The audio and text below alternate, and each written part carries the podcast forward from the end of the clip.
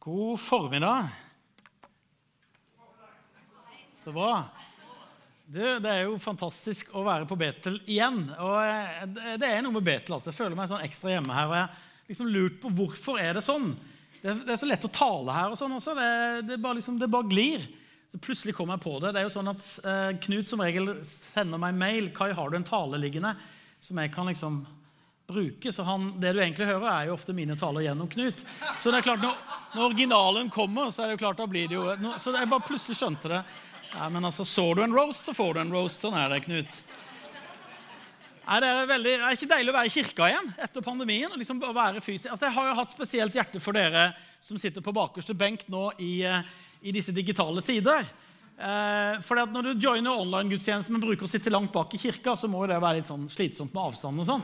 Men det er fantastisk uansett hvor du sitter. Så bra å se deg! Veldig bra at vi kan være tilbake igjen og feire gudstjeneste på denne måten. Nå vet jeg jo at dere er inne i en serie. ikke sant?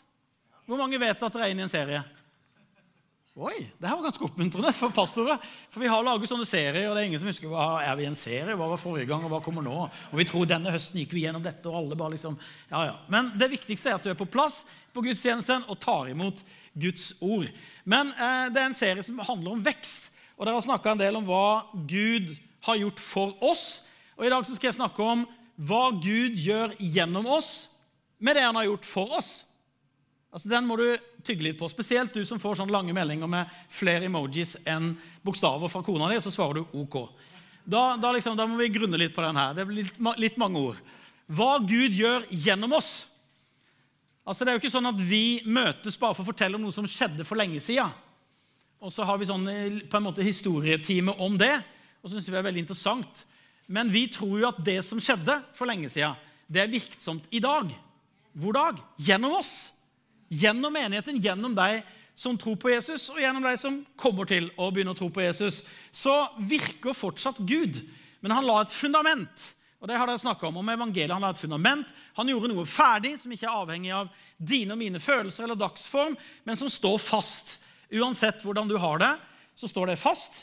Men det som står fast, det han har gjort, det vil han at skal bli synlig for flere og flere. Han vil virke det gjennom oss. Eh,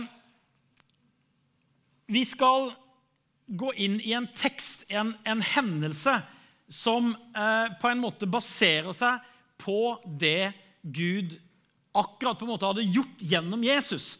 Og så kan vi lese i en veldig spennende bok i Bibelen, Apostelens gjerninger, som forteller ok, fantastisk det Jesus gjorde, men hva skjer nå, da? Hva skjer videre? Eh, og jeg vet ikke om du har tenkt på det, men Den hellige ånd fins i verden i dag. Det betyr at Den hellige ånd fins i Homosjok i dag. Altså, De burde jo egentlig tatt det opp i kommunestyret liksom neste sak. Den hellige ånd fins i Hommersåk i dag. Hvordan skal vi forholde oss til det? Eh, det er jo ikke sånn, helt sånn det fungerer, men det er jo menighetens liksom, ansvar å fortelle det og leve i det og vise det, for det her er liv. Det her er noe levende. Det er noe du og jeg kan få oppleve midt på en grå mandag, midt i en hektisk hverdag. Så Den hellige ånd fins. Eh, og det som skjedde med de første kristne, det skjer nemlig igjen og igjen over hele verden. Og det kan skje igjen og igjen i homosjok med stadig nye mennesker. Og Vi leser fra apostelens gjerninger. Gjorde jeg noe feil? Nei. Jeg klikka hos deg. Vi skal lese fra noen veldig kjente vers. Apostelens gjerninger 2, 41-47. De som nå tok imot hans ord med glede, ble døpt. Og den dagen ble omkring 3000 sjeler lagt til de andre. De holdt hele tiden urokkelig fast ved apostlenes lære, samfunnet, brødsbrytelsen og ved bønnene. Da kom det frykt over hver sjel, og mange under og tegn ble gjort ved apostlene. Alle som trodde, var sammen og hadde alle ting felles. De solgte eiendelene og det de hadde, og delte ut til alle ettersom enhver hadde behov. De holdt seg daglig med samstemt sinn i tempelet og de brøt brødet i hjemmene. De spiste sin mat med glede og hjertets oppriktighet. Hele tiden lovet de Gud og hadde velvilje hos hele folket. Daglig la Herren dem som ble frelst, til menigheten. Eh, det finnes en hemmelighet i denne teksten som vil gjøre det enklere å bygge menighet, både for lederskap og for alle som er med i menigheten, om du oppdager den, og om du praktiserer den. Og Det skal vi komme tilbake til. Men vi leste som sagt akkurat dette her, en veldig unik historie. Og den blir på mange måter en litt sånn mønsterhistorie for alle menigheter over hele verden til alle tider.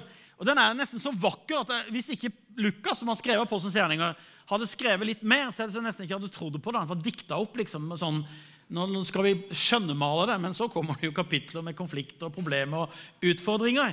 Eh, sånn at vi forstår at eh, det er jo liksom ikke rosenrødt overalt hele tiden. Men allikevel så, så er dette her liksom rett etter at mange tusen mennesker har fått møte Jesus, blitt fylt av Den hellige ånd, og så begynner de å leve et liv. Og Det blir for oss en mønsterfortelling som vi kan gå tilbake til og justeres etter hele tiden, og inspireres av. Ok, det der skjedde med de. Hadde de noe spesielt? Var det noe helt merkelig som vi ikke kan få? Nei, det er jo den samme Hellige ånd. Med andre ord, Det samme kan skje her, selvfølgelig i en annen kultur, men det er liksom det samme livet som får lov til å flyte gjennom menneskene. Ehm, det å bli kristen eh, det er jo ikke å bli perfekt, men det er å møte den perfekte. Så jeg pleier egentlig å si la oss slutte å tro på menighet, for det, det, det blir vi jo skuffa på. Eh, og så må jeg jo si noe mer enn det. Ja, om det. Pastor sitter helt sjokka. Poenget mitt er nemlig La oss slutte å tro på menighet på den måten at vi tenker at det skal bli et sånn perfekt fellesskap. Men vi er jo en gjeng som tror på Jesus. Det er det som er å være menighet. Vi er en gjeng som ikke er perfekte, som sårer hverandre av og til, som kan bli skuffa på oss sjøl og på andre. Og Derfor så må vi liksom tro på menigheten. Vi tror på Jesus, som er fundamentet for menigheten. Ut det så tror vi på menigheten, fordi han er, vi er Kristi kropp. Men hele poenget med denne fortellingen det er jo å løfte fram ikke oss, på en måte, men det Gud gjør gjennom oss. Det Gud har begynt å gjøre gjennom oss. Så Det er liksom det vi tror på. Sånn at vi ikke, vi, altså, velkommen til eh, et fellesskap der du sannsynligvis kommer til å bli litt skuffa innimellom. Og du kommer til å skuffe noen. Men det er ikke noe big deal når vi forstår at det som samler oss, det er Jesus Kristus og det nye livet. Og da møter vi tilgivelse og forsoning. Og så møter vi på en måte en, en annen kultur enn det denne verden har å tilby. Og så blir det et vitnesbyrd at menigheten fins. Det er verdens største under, egentlig. At Gud fortsatt virker i oss og gjennom oss. Og vi skal få lov til å være menighet, ikke ut ifra at vi er så fantastisk bra, men vi har en som er så fantastisk bra, og som hele tiden vil gi oss mer og mer, og som vi kan gi videre. Så er han vi skryter av. Eh, det første som vi skal se på ut ifra denne teksten, er en veldig viktig ting. Det er hvem er egentlig Kirken? De som nå tok imot hans ord med glede, ble døpt, og den dagen ble omkring 3000 sjeler lagt til de andre. Og Her ser vi forresten en eh, et hint til den hemmeligheten som jeg skal komme tilbake til. Når det står at de tok imot hans ord med glede. Menighet begynner altså i glede. Fantastisk glede her på plattforma bare i starten. Man ble jo skikkelig smitta av det. Og det er noe som skal kjennetegne oss som menighet. Ikke en sånn overfladisk glede, først og fremst, men den kommer jo ut. Den må ikke være så dyp at den aldri syns. ikke sant? En så dyp, dyp glede. Ja, Men den, den, den syns jo også i liv og i, i, i latter og i overskudd. Og det, det, er fantastisk å lese det om at den første menighet det var en gjeng som hadde, hadde tatt imot noe med glede. Så den begynner i glede. Men la oss danse ved et annet spørsmål. Dette verset svarer nemlig på hvem er menigheten? Hvem er den ekte kirken? Det er veldig basic, men det er et viktig spørsmål. Er det alle medlemmer som er kirken? Alle som står i registeret, liksom? Er det kanskje alle i et område rundt en bygning, et sogn? Som tenker alle som bor der, sogner til, sokner til denne menigheten. Det er menigheten. Det som er tydelig her, er at nei, det er alle som tok imot ordet og ble døpt, som ble lagt til menigheten. Og det er det Jesus kaller et annet sted for å bli født på ny ved å ta imot Jesu ord og bli døpt. Og Nå kan du være født på ny uten å være døpt, men det anbefales ikke. for å si det sånn. Fordi dåpen er en gave fra Gud til alle som tror, sånn at du kan være sikker på at du er Guds barn. Han vil at du skal virkelig vite. Altså, Hva gjør vi i dåpen? Vi sier ja. Vi sier 'jeg vil følge Jesus', men vi sier på en måte 'ja, jeg vil ha deg', men Gud sier også 'jeg vil ha deg' i dåpen. Jeg vil ha deg. Uansett om det går opp og ned i livet ditt, så har jeg bestemt meg. Jeg har, har, har bundet meg til et løfte. Og det er fantastisk. Sånn at tro og dåp, det hører sammen. Så er du ikke døpt. Så å tro på Jesus, så la deg døpe. Men, men eh, poenget her er nemlig å snakke om hvem er menigheten. Eh, og Grunnen til at jeg snakker om det her, det er fordi vi snakker om Gud. Hva Gud har gjort noe for oss. ok, Hva gjør han gjennom oss? Ja, Det første han gjør, er faktisk at han skaper menigheten. Så selv om dere har sikkert sett hverandre mange ganger, alle sammen her, og noen har på seg samme klær som forrige søndag, og det blir litt sånn vanlig, det blir litt sånn vanlig så er vi allikevel et mirakel. Menigheten er et under. Gud har født oss på ny.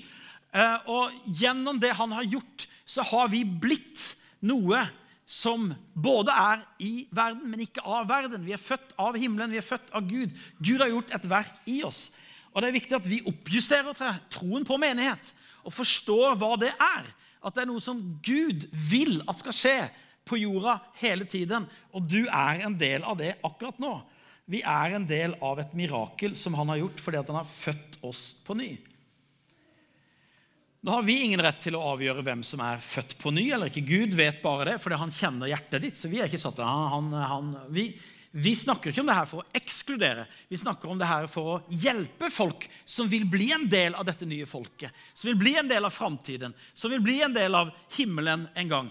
Vi snakker tydelig om det, sånn at du vet ja, hvordan skal jeg bli med. da? Nei, kanskje du skal bli medlem? eller kanskje... Nei, Vi vet hvordan du blir med ved å ta imot ordet ved å ta imot Jesus og bli døpt. Og si 'Jeg vil følge Jesus', jeg også. Det er nemlig han som er hodet for menigheten. Det er Han som skaper menigheten.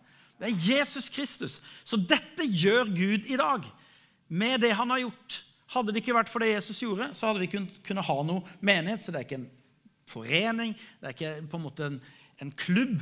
Det er noe som er født av Gud pga. det Jesus gjorde. Så finnes menigheten. Jeg vil ikke manipulere deg, men du som føler for det, kan si amen. Så flott.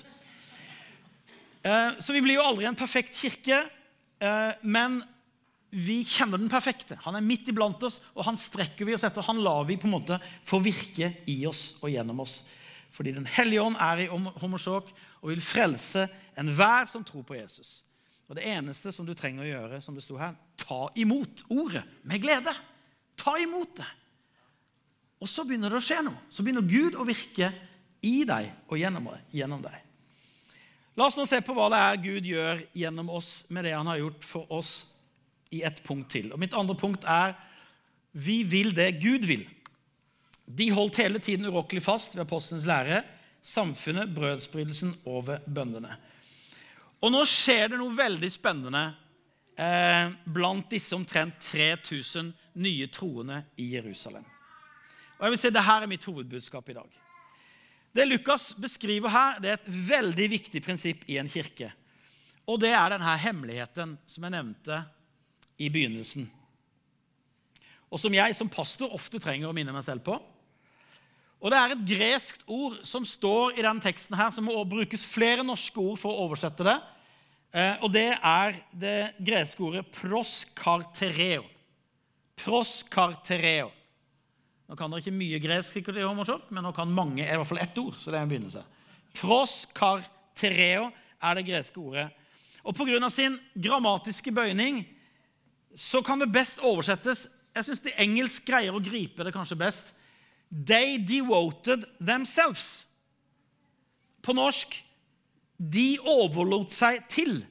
Her står det I den, eh, ja, i, i den, oversettelsen jeg brukte i dag, så står det de holdt urokkelig fast. De holdt hele tiden urokkelig fast ved. Eh, og det, det, stemmer også.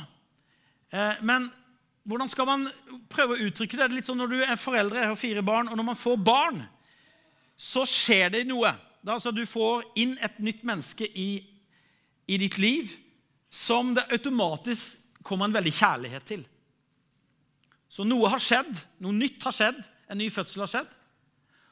Og så er det ikke da at staten har et organ hvor de ringer ukentlig. Sier, du, nå må du huske å, å, å skifte bleie, nå må du huske å ta, ta deg av den ungen, nå må du komme på motivasjonssamling for barneoppdragelse. Altså det, det, det, er bra med, med litt sånn eh, pep innimellom. Men det naturlige er at foreldrene devote themselves. Altså det kommer innenfra.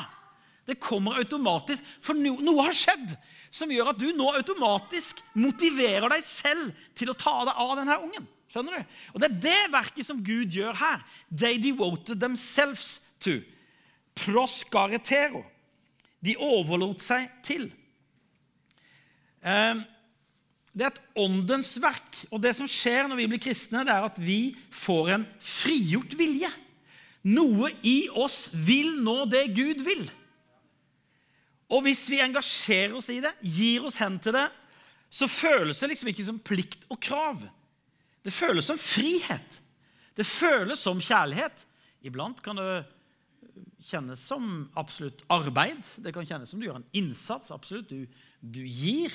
Men den der starten i det, den motivasjonen i det, ligger altså her. De her første kristne ble ikke charismaniac som liksom bare søkte nye og sterkere opplevelser. Men kraften ble kanalisert inn i en ny livsstil. Så de begynte å leve, de begynte å gi seg til noe. De holdt urokkelig fast ved apostlenes lære, ved brødsbrytelsen og ved bønnene. Altså, de kom på noe, de var med i noe, de så seg selv som en del av det. De ga seg til det pga. manipulasjon. Nei, pga. devoted themselves. Noe Gud gjorde i dem med det han hadde gjort for dem. Det skjer noe nytt blant disse menneskene. Som vi ikke kan kalle annet enn kristenliv. Det er ikke kapitalisme, hvor du tenker ja, jeg skal investere i dette hvis jeg får mer tilbake.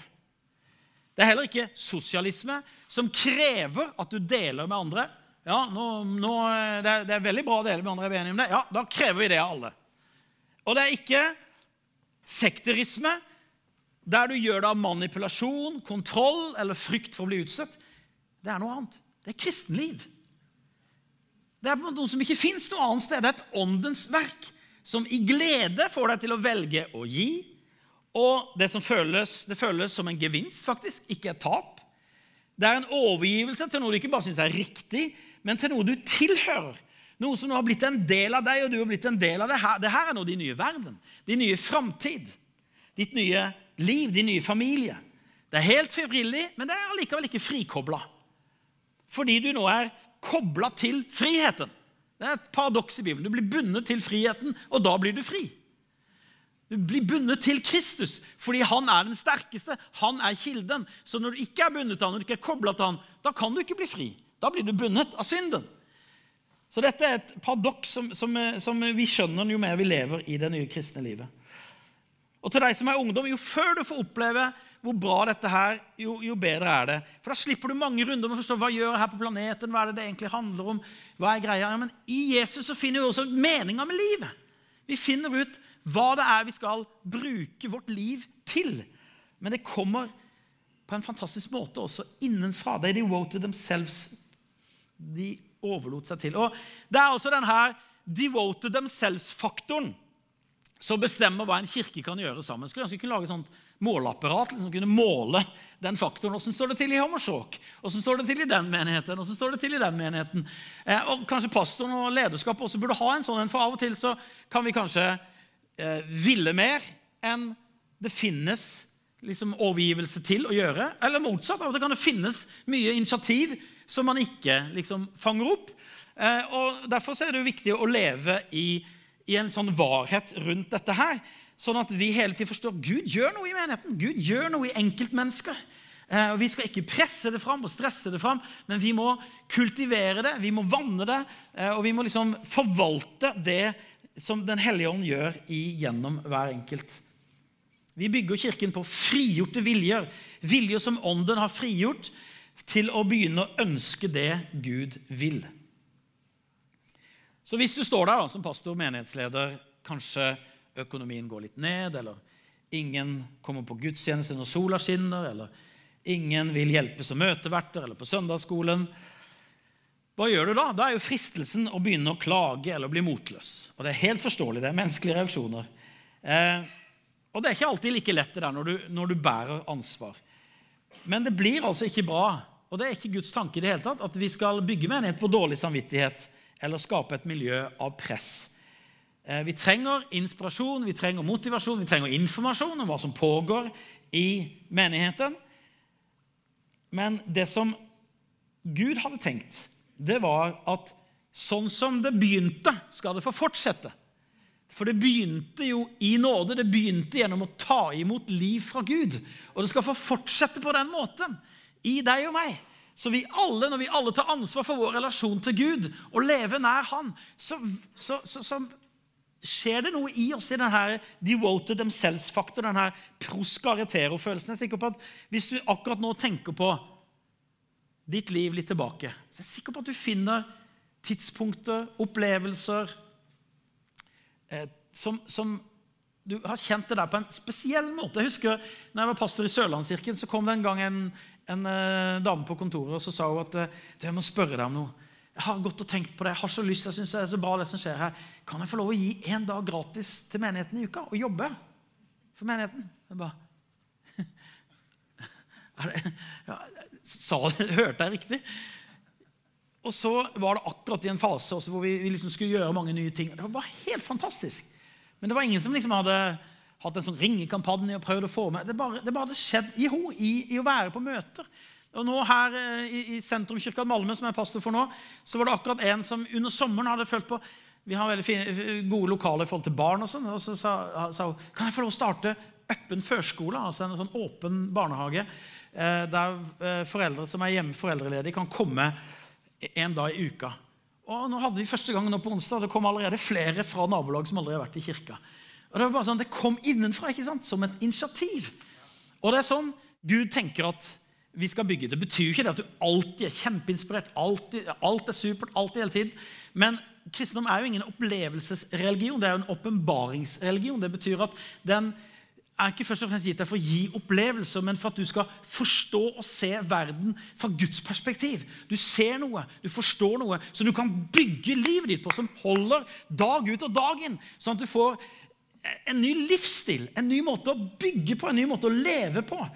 Som, som også da blir liksom kjernen i hvordan vi bygger menighet. Så det her gjør Gud gjennom oss. Det er ikke nye regler, men det er en retning vi snakker om. Ånden gir livet ditt en retning som får deg til å elske kirka. så du, du vil feire gudstjeneste, du vil prioritere smågrupper, du gir og du ber. Og du tjener, for det er en ny retning i livet ditt. Det er, liksom ditt. Det er noe du eier, som er blitt en del av livet ditt. Og de gangene ikke, det ikke fungerer, så er det ikke ja, 'Nå har du brutt en regel.' Nei, nei, nei. Når du, når du, har et fly som er på vei til, fra, fra, Oslo til Paris, og det av og til kommer ut av kurs, så betyr ikke det at ok, nå skal vi plutselig til Moskva. Nei, vi skal fortsatt til Paris. Vi må bare justere inn litt. Og sånn er det altså Gud virker i Han har gitt oss en kurs. Han har gitt oss en retning. Og fordi vi av og til kommer litt ut av den, så betyr ikke det at ja, men nå har det vært pandemi, og det var egentlig ganske deilig å være hjemme på søndager likevel, og da kanskje vi ikke skal gå til kirka lenger, da. Nei, nei, nei. Det er retningen er fortsatt den samme. Gud holder på med det samme. Han bygger sin menighet. Han bygger den gjennom sånne som deg og meg. Og Han kommer til å seire, og han har en plan, og vi er med på dette her som han har gjort, og som han nå gjør gjennom oss. Veldig pinsemenighet på denne sida. Her er det litt ja, det er veldig bra. Nummer tre Gud gjør under. Er det jeg som trykker, eller er det du som trykker? Funker ikke, tror jeg. Vil du hjelpe meg? Sånn. Tusen takk. Da kom det frykt over hver sjel, og mange under og tegn ble gjort av apostlene. I en annen oversettelse står det at hver og en ble grepet av ærefrykt, og mange under og tegn ble gjort av apostlene. Og Vi skal se kort på det her. Eh, men det her er et annet kjennetegn ved den kristne menighet. og det er at Gud jobber midt i kirka, og det skaper ærefrykt hos oss. Vi forstår at selv om ingen menighet er perfekt, så er alltid den perfekte og hellige midt iblant oss. Vi behandler menigheten med respekt for at det er Gud som eier den. Og som sagt så er jeg pastor i en nystarta menighet i Malmö. Og vi har opplevd også hvordan Gud for har lagt til rette eh, lokaler for oss midt i Malmö. som det er, det, det er jo en storby, på en måte, og det er vanskelig å få lokaler. Så har vi fått tilgjengelig et fantastisk lokale med parkeringsplass og uteområder med lekeplass. og, og Kjempebra for barna. Og Vi har tilgang til de her lokalene hele uka. og leier den ikke bare liksom to timer en søndag ettermiddag. Må inn og ut og rigge seg. Det er en helt fantastisk for oss opplevelse. Og alle i menigheten du trenger ikke liksom si det. Alle bare Wow! Tenk at det her skjedde. Og det kommer ikke inn så flinke vi er. Det kommer inn Gud! Du virker midt iblant oss. Du er med, og Sånn kan denne menigheten ha masse i historien, og du er sikkert med enkelt, enkeltepisoder også. Gud Du er jo med oss. Og fordi han har vært med oss, så kommer han til å fortsatt være med oss. Så vi kan forvente det for framtida også. Gud har en framtid, Gud har nye tanker for Homosjok, for, for, denne menigheten. Han skal gjøre mer. Han er midt iblant oss. Og vi behandler hans menighet med hellighet og respekt, og vi, vi får en ærefrykt når vi ser at han virker og demonstrerer sine under og mirakler midt i menigheten. Nummer fire hele tiden lovet til Gud og hadde velvilje hos hele folket. Hvordan skal vi forstå det? Er det et kjennetegn på en kristen menighet at den blir populær? Så når Gud får virke gjennom oss, så blir vi populære. Da blir det suksess liksom på alle kanter. Skal vi søke popularitet? Er det det dette verset menes med? Og hva da med det som står senere i Apostelens gjerninger, om at det ble forfølgelse? Og hva med kirkehistorien, og ikke minst forfulgte kristne i dag? Det viser vel at det her må bare være et unntak som vi på en måte må hoppe over, og ikke noe vi kan forvente. Nei, det som er viktig å forstå, det er at den første menighet søkte ikke å bli godt likt. på en måte. Det var ikke det at popularitet de søkte, men de gjorde sånne ting som folk flest likte. Ser du forskjellen? De søkte ikke å bli godt likt, men fordi Gud hadde gjort noe i dem, så begynte de å gi. Så begynte de å hjelpe, så begynte de å ta seg av foreldreløse barn, så begynte de å gi mat til de fattige. De gjorde sånn som folk flest likte. Det er veldig vanskelig å være imot det. Så fikk de en velvilje ut ifra det.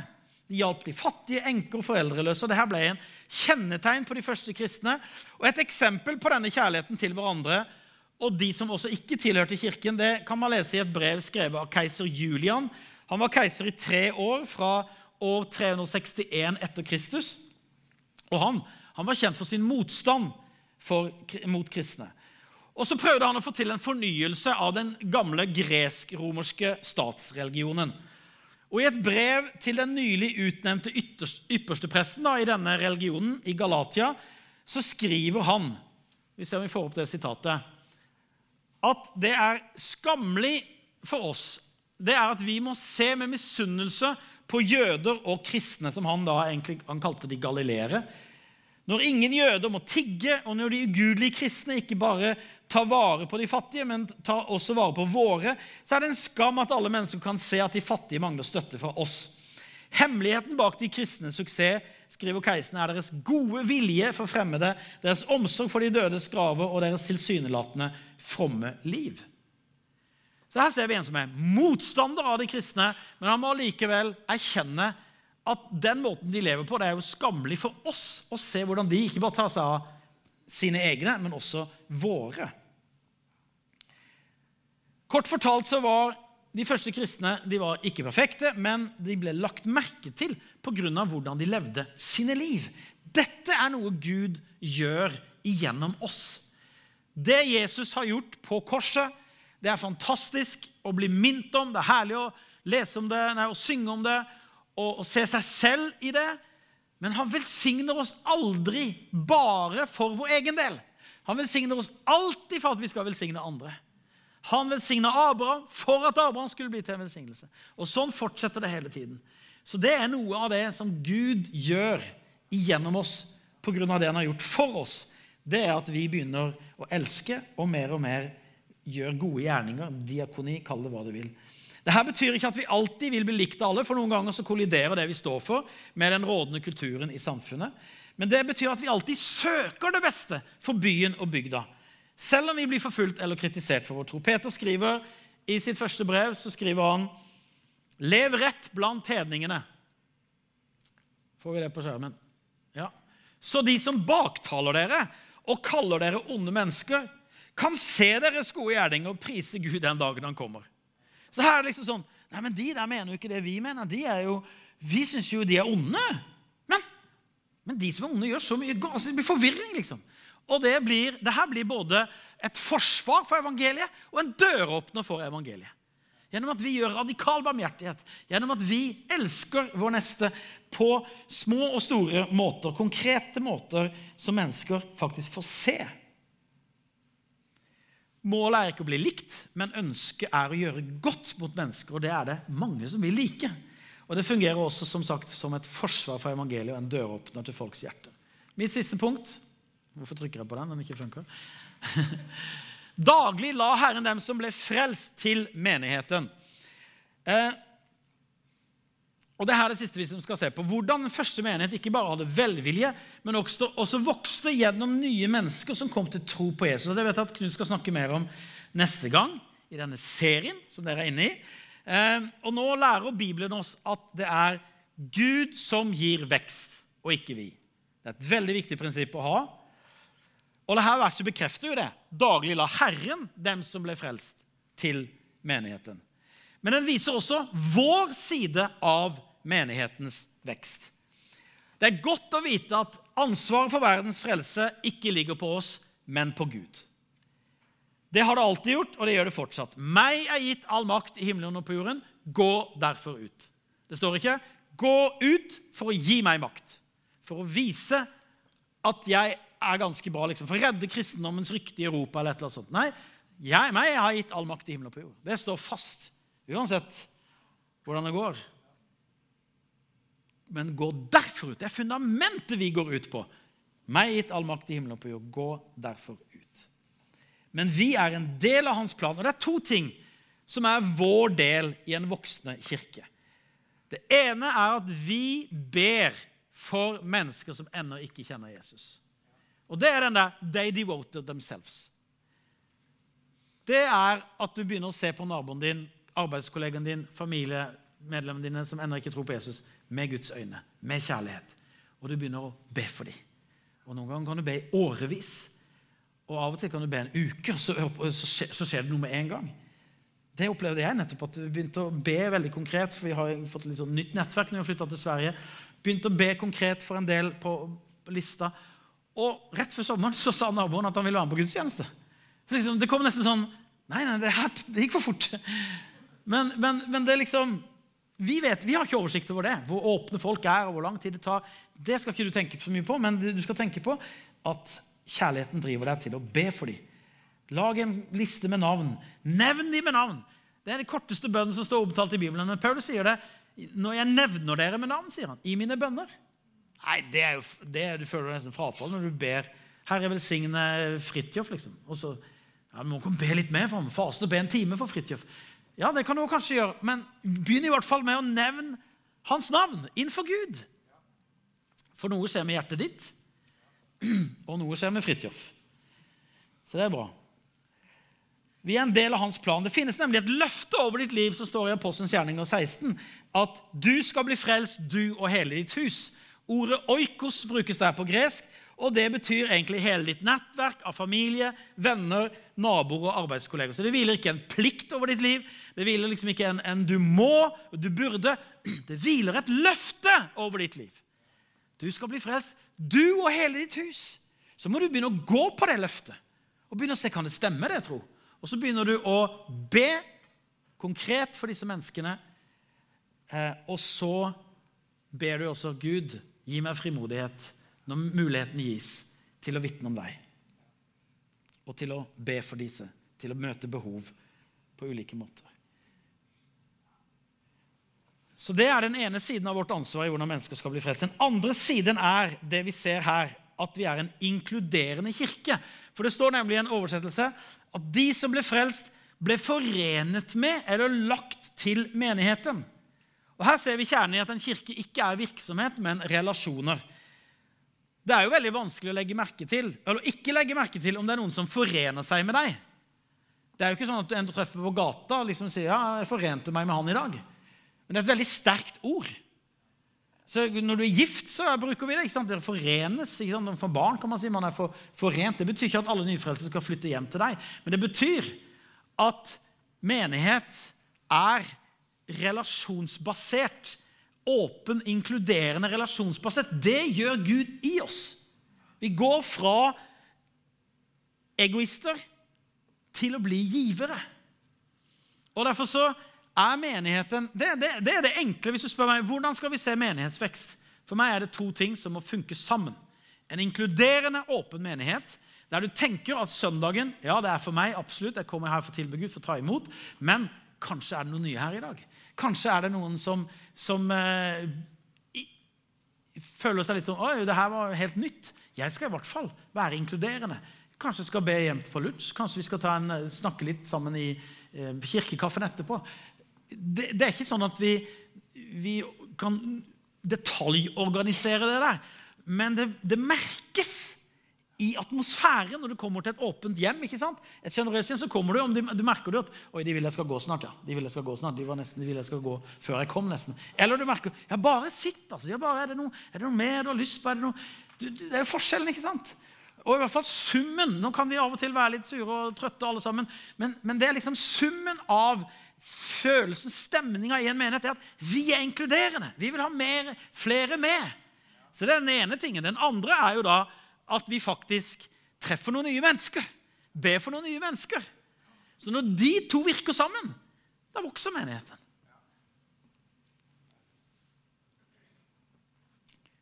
La meg avslutte med kort å oppsummere mitt hovedbudskap. Den hellige ånd gjør noe i hver troende som gjør at vi fra vår egen frigjorte vilje vi gir oss til et liv sammen i den lokale menigheten.